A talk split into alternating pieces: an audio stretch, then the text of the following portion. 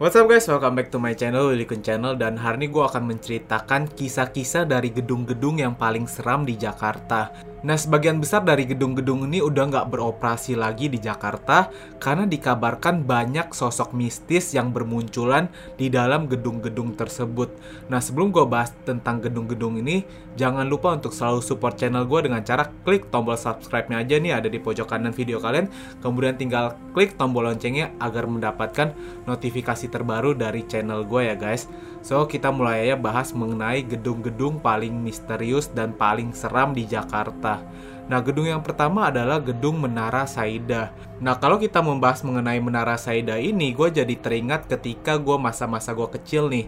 Karena ketika gue kecil itu, kalau gue mau pergi keluar kota naik mobil, terutama lewat tol Cawang, kita pasti bakal lewat sama gedung yang unik kayak gedung Romawi gitu, dan rupanya itu adalah Menara Saida. Dan menurut gue sendiri, secara nggak langsung Menara Saida ini udah menjadi ikon gedung terseram di Jakarta yang paling mistis menurut gue. Karena dari bentuknya kalau kalian perhatiin baik-baik ya, Menara Saida itu atasnya tuh kayak ada kayak apa ya?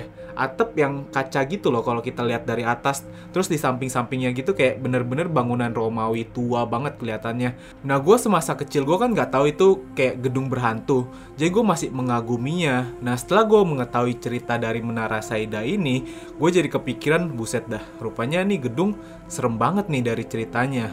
Nah, jadi Menara Saida itu pertama kali mulai dibangun pada tahun 1995, kemudian bangunan ini selesai pada tahun 1998 dan mulai beroperasi pada tahun 2001. Nah, Menara Saida ini yang memiliki 28 lantai terletak di Jalan MT Haryono. Dan rupanya dia ini akhirnya harus berakhir beroperasi pada tahun 2007 karena isunya menara ini miring. Jadi postur bentuk menaranya tuh nggak lurus. Jadi kalau terus dipakai ntar menaranya mungkin bisa roboh. Nah menariknya pada tahun 2007 ketika menara ini berhenti beroperasional tiba-tiba terjadi PHK massal tanpa keterangan apa pun. Jadi tiba-tiba karyawan yang bekerja di gedung tersebut di PHK massal. Nah setelah kejadian PHK massal itu gedung itu mulai kosong dan tidak berpenghuni. Kabarnya kaca-kaca mulai pecah, kemudian kayak wallpaper dan lantai-lantai mulai retak. Ditambah lagi keadaan yang gelap gulita di dalam gedung itu karena udah nggak ada aliran listrik. Nah, setelah kejadian-kejadian itu, masyarakat yang tinggal di sekitar gedung tersebut mengatakan mereka melihat ada kayak sosok-sosok gaib di dalam gedung tersebut. Jadi masyarakat bilang, sebenarnya Menara Saida ini dibangun di atas tanah kuburan yang masih ada jenazahnya. Jadi jenazah-jenazah tersebut yang nggak dipindahkan oleh yang membangun gedung tersebut membuat gedung itu berhantu. Dan yang paling menarik dari cerita hantu Menara Saida ini menurut gue adalah sosok wanita berbaju merah atau kerap dipanggil kuntilanak merah. Jadi ceritanya pada saat menara ini masih beroperasional, di situ ada satpam yang lagi bekerja. Tiba-tiba ada seorang wanita memakai baju warna merah meminta untuk satpam ini nganterin ke lantai 14. Katanya dia mau ketemu sama adeknya.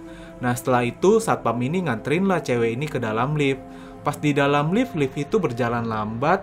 Kemudian tiba-tiba udah lewat satu lantai, dua lantai, tiga lantai. Satpam itu baru sadar sosok wanita berbaju merah di belakangnya udah nggak ada sama sekali. Nah setelah kejadian itu satpamnya langsung pingsan di tempat dan ditolong oleh temannya. Nah setelah cerita ini beredar, mulailah timbul banyak cerita mistis di Menara Saida ini. Dari keranda mayat di lantai 3 yang muncul dan tiba-tiba hilang begitu saja. Kemudian lampu yang tiba-tiba menyala dan mati begitu saja juga. Jadi kayak bener-bener Menara Saida ini dihantuin sama banyak hantu, jadi serem banget loh menara ini. Tapi jujur sampai sekarang Menara Saida ini tetap buat gue jadi penasaran gitu Karena gue cuma bisa ngelihat dari jauh. Tapi kalau mungkin gue dikasih kesempatan untuk ke sana eh, eh, Tapi kayaknya enggak deh. Oke okay, next. Kalau gitu kita lanjut ke gedung yang kedua yang paling seram di Jakarta. Nah gedung yang kedua adalah Rumah Kentang dari Prapanca Nah, kalau kita ngebahas tentang rumah kentang ini, ngingetin gue lagi ke masa-masa kecil gue. Soalnya cerita tentang rumah kentang ini, rupanya tuh nggak muncul belakangan ini. Jadi cerita tentang rumah kentang prapanca ini udah lama diceritakan kalau rumah itu tuh berhantu banget. Jadi ceritanya kenapa rumah ini bisa dipanggil rumah kentang. Kalau kita melewati rumah ini dan tiba-tiba mencium aroma kentang, pasti di situ akan terjadi penampakan mistis dari hantu-hantu rumah kentang tersebut. Nah, diceritakan pada awalnya, sebenarnya rumah kentang ini nggak berhantu. Nah, tapi di rumah ini tinggallah seorang ibu dan anaknya. Jadi ibunya ini memiliki usaha catering dan pada saat itu cateringnya lagi rame dipesen nih. Nah setelah ibunya itu menerima pesanannya, dia mulailah memasak masakan cateringnya. Pada awalnya dia mulai untuk merebus kentang. Nah karena pesanannya banyak, kentangnya pun harus direbus banyak dong. Karena kentangnya harus direbus banyak, akhirnya ibu ini memasak atau merebus kentangnya itu di satu kuali yang sangat besar.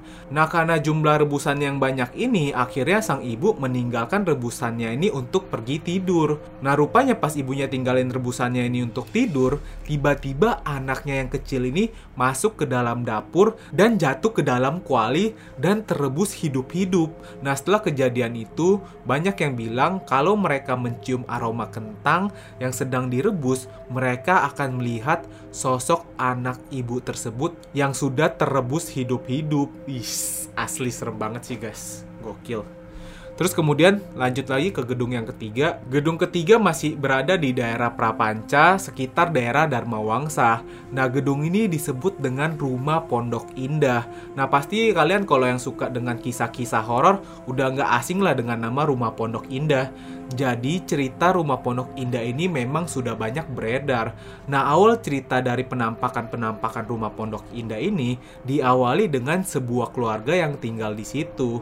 Nah, ada satu keluarga yang cukup mapan, tiba-tiba pada suatu malam didatangi oleh segerombolan perampok karena mereka ingin merampok, mereka pasti membawa senjata untuk melindungi diri mereka kan?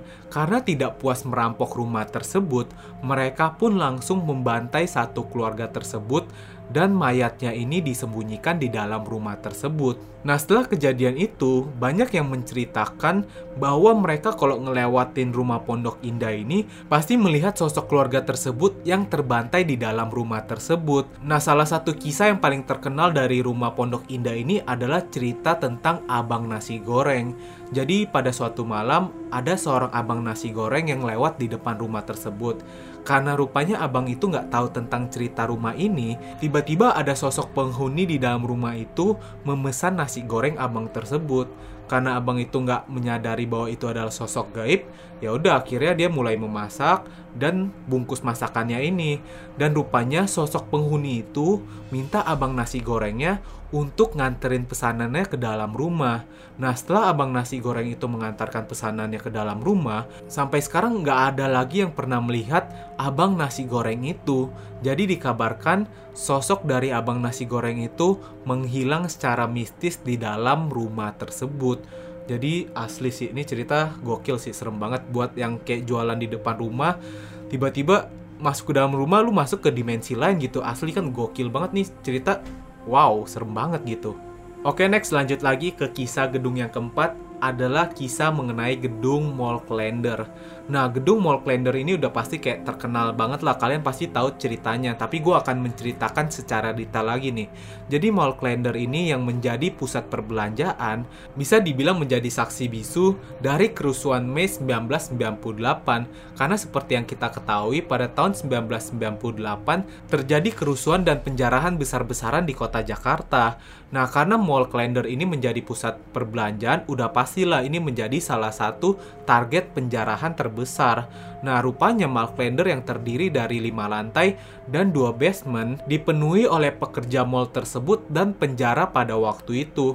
Tapi ketika terjadi aksi penjarahan ini, akses masuk dan akses keluar dari mall itu dikunci oleh oknum yang nggak diketahui. Setelah penguncian tersebut, Rupanya oknum-oknum ini juga langsung membakar ban-ban bekas dan melempar bom molotov ke dalam mall tersebut. Tapi di awal kejadian tersebut, orang-orang di dalam mall ini belum menyadari adanya api di dalam mall tersebut. Sampai akhirnya lantai satu sudah berubah menjadi lautan api. Orang-orang di dalam mall tersebut baru menyadari kalau mall itu sedang terbakar hebat. Nah setelah apinya ini sampai di lantai kedua, dikabarkan pada waktu itu ada orang-orang yang coba lompat dari lantai 3 Tapi ya seperti yang kita ketahui, upaya ini udah pasti gagal dan mereka yang loncat udah pasti ya meninggal dunia. Nah, setelah kejadian ini dikabarkan ditemukan 400 sampai 500 korban di dalam mall tersebut. Jadi setelah kejadian ini banyak yang menceritakan mereka mengalami gangguan-gangguan mistis di dalam mall tersebut. Nah, menurut gue udah pastilah kalau korbannya ya banyak begitu, ya udah pasti mallnya jadi angker banget. Jadi banyak yang cerita kalau mereka tuh melihat ada sosok-sosok orang yang masih dalam bentuk terbakar muncul tiba-tiba dan menghilang begitu saja di dalam mall. Kemudian ada juga kesaksian-kesaksian dari keluarga korban yang mengatakan bahwa anggota keluarganya yang menjadi korban di mall tersebut tiba-tiba pulang ke rumah dalam keadaan muka yang masih terbakar. Iya asli gokil sih ini serem banget. Nah terus ada juga kesaksian dari satpam yang bekerja di mall itu sekarang. Dia mengatakan dia sering mencium aroma amis di bawah basement mall tersebut.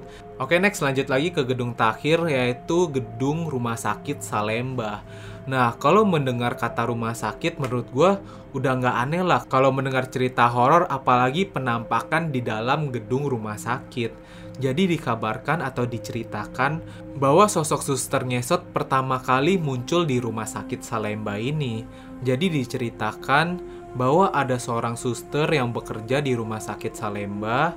Dia adalah seorang suster yang rupanya ini cantik jadi karena rupanya yang cantik ini, pada suatu malam dia mengalami pelecehan seksual. Nah setelah itu karena pelakunya ini ingin menghilangkan barang bukti, yaitu sang korban, Akhirnya pelaku ini membunuh sang suster dengan sangat sadis, yaitu memotong kakinya. Setelah itu, mayat dari suster ini disembunyikan atau dikubur di dalam rumah sakit tersebut. Kemudian, setelah kejadian itu, banyak yang mengatakan mereka melihat sosok suster ngesot atau sang suster yang rupanya cantik ini sering muncul di rumah sakit tersebut khususnya jam 2 dini hari. Jadi kalau misalnya ada yang lagi jaga malam atau sedang lihat-lihat keadaan di rumah sakit itu jam 2, mereka akan melihat sosok sang suster yang lagi ngesot di sekitar rumah sakit tersebut. Iya, selisih. Ini serem banget. Gue juga gimana ya kalau ngedengar kisah ini kayak jam 2 dini hari di rumah sakit dan lu ngelihat sosok suster yang lagi ngesot lu berani buat datengin terus nanya sus kenapa? Kok ngesot? Kalau gue sih udah pasti kabur sih. Nah itu dia cerita-cerita mengenai kisah-kisah gedung paling seram di Jakarta. Nah itu dia video hari ini guys. Untuk kalian yang masih menjalankan ibadah puasa Ayo semangat ya guys. So thank you guys for watching this video. Jangan lupa untuk like dan share video ini. See you guys in the next video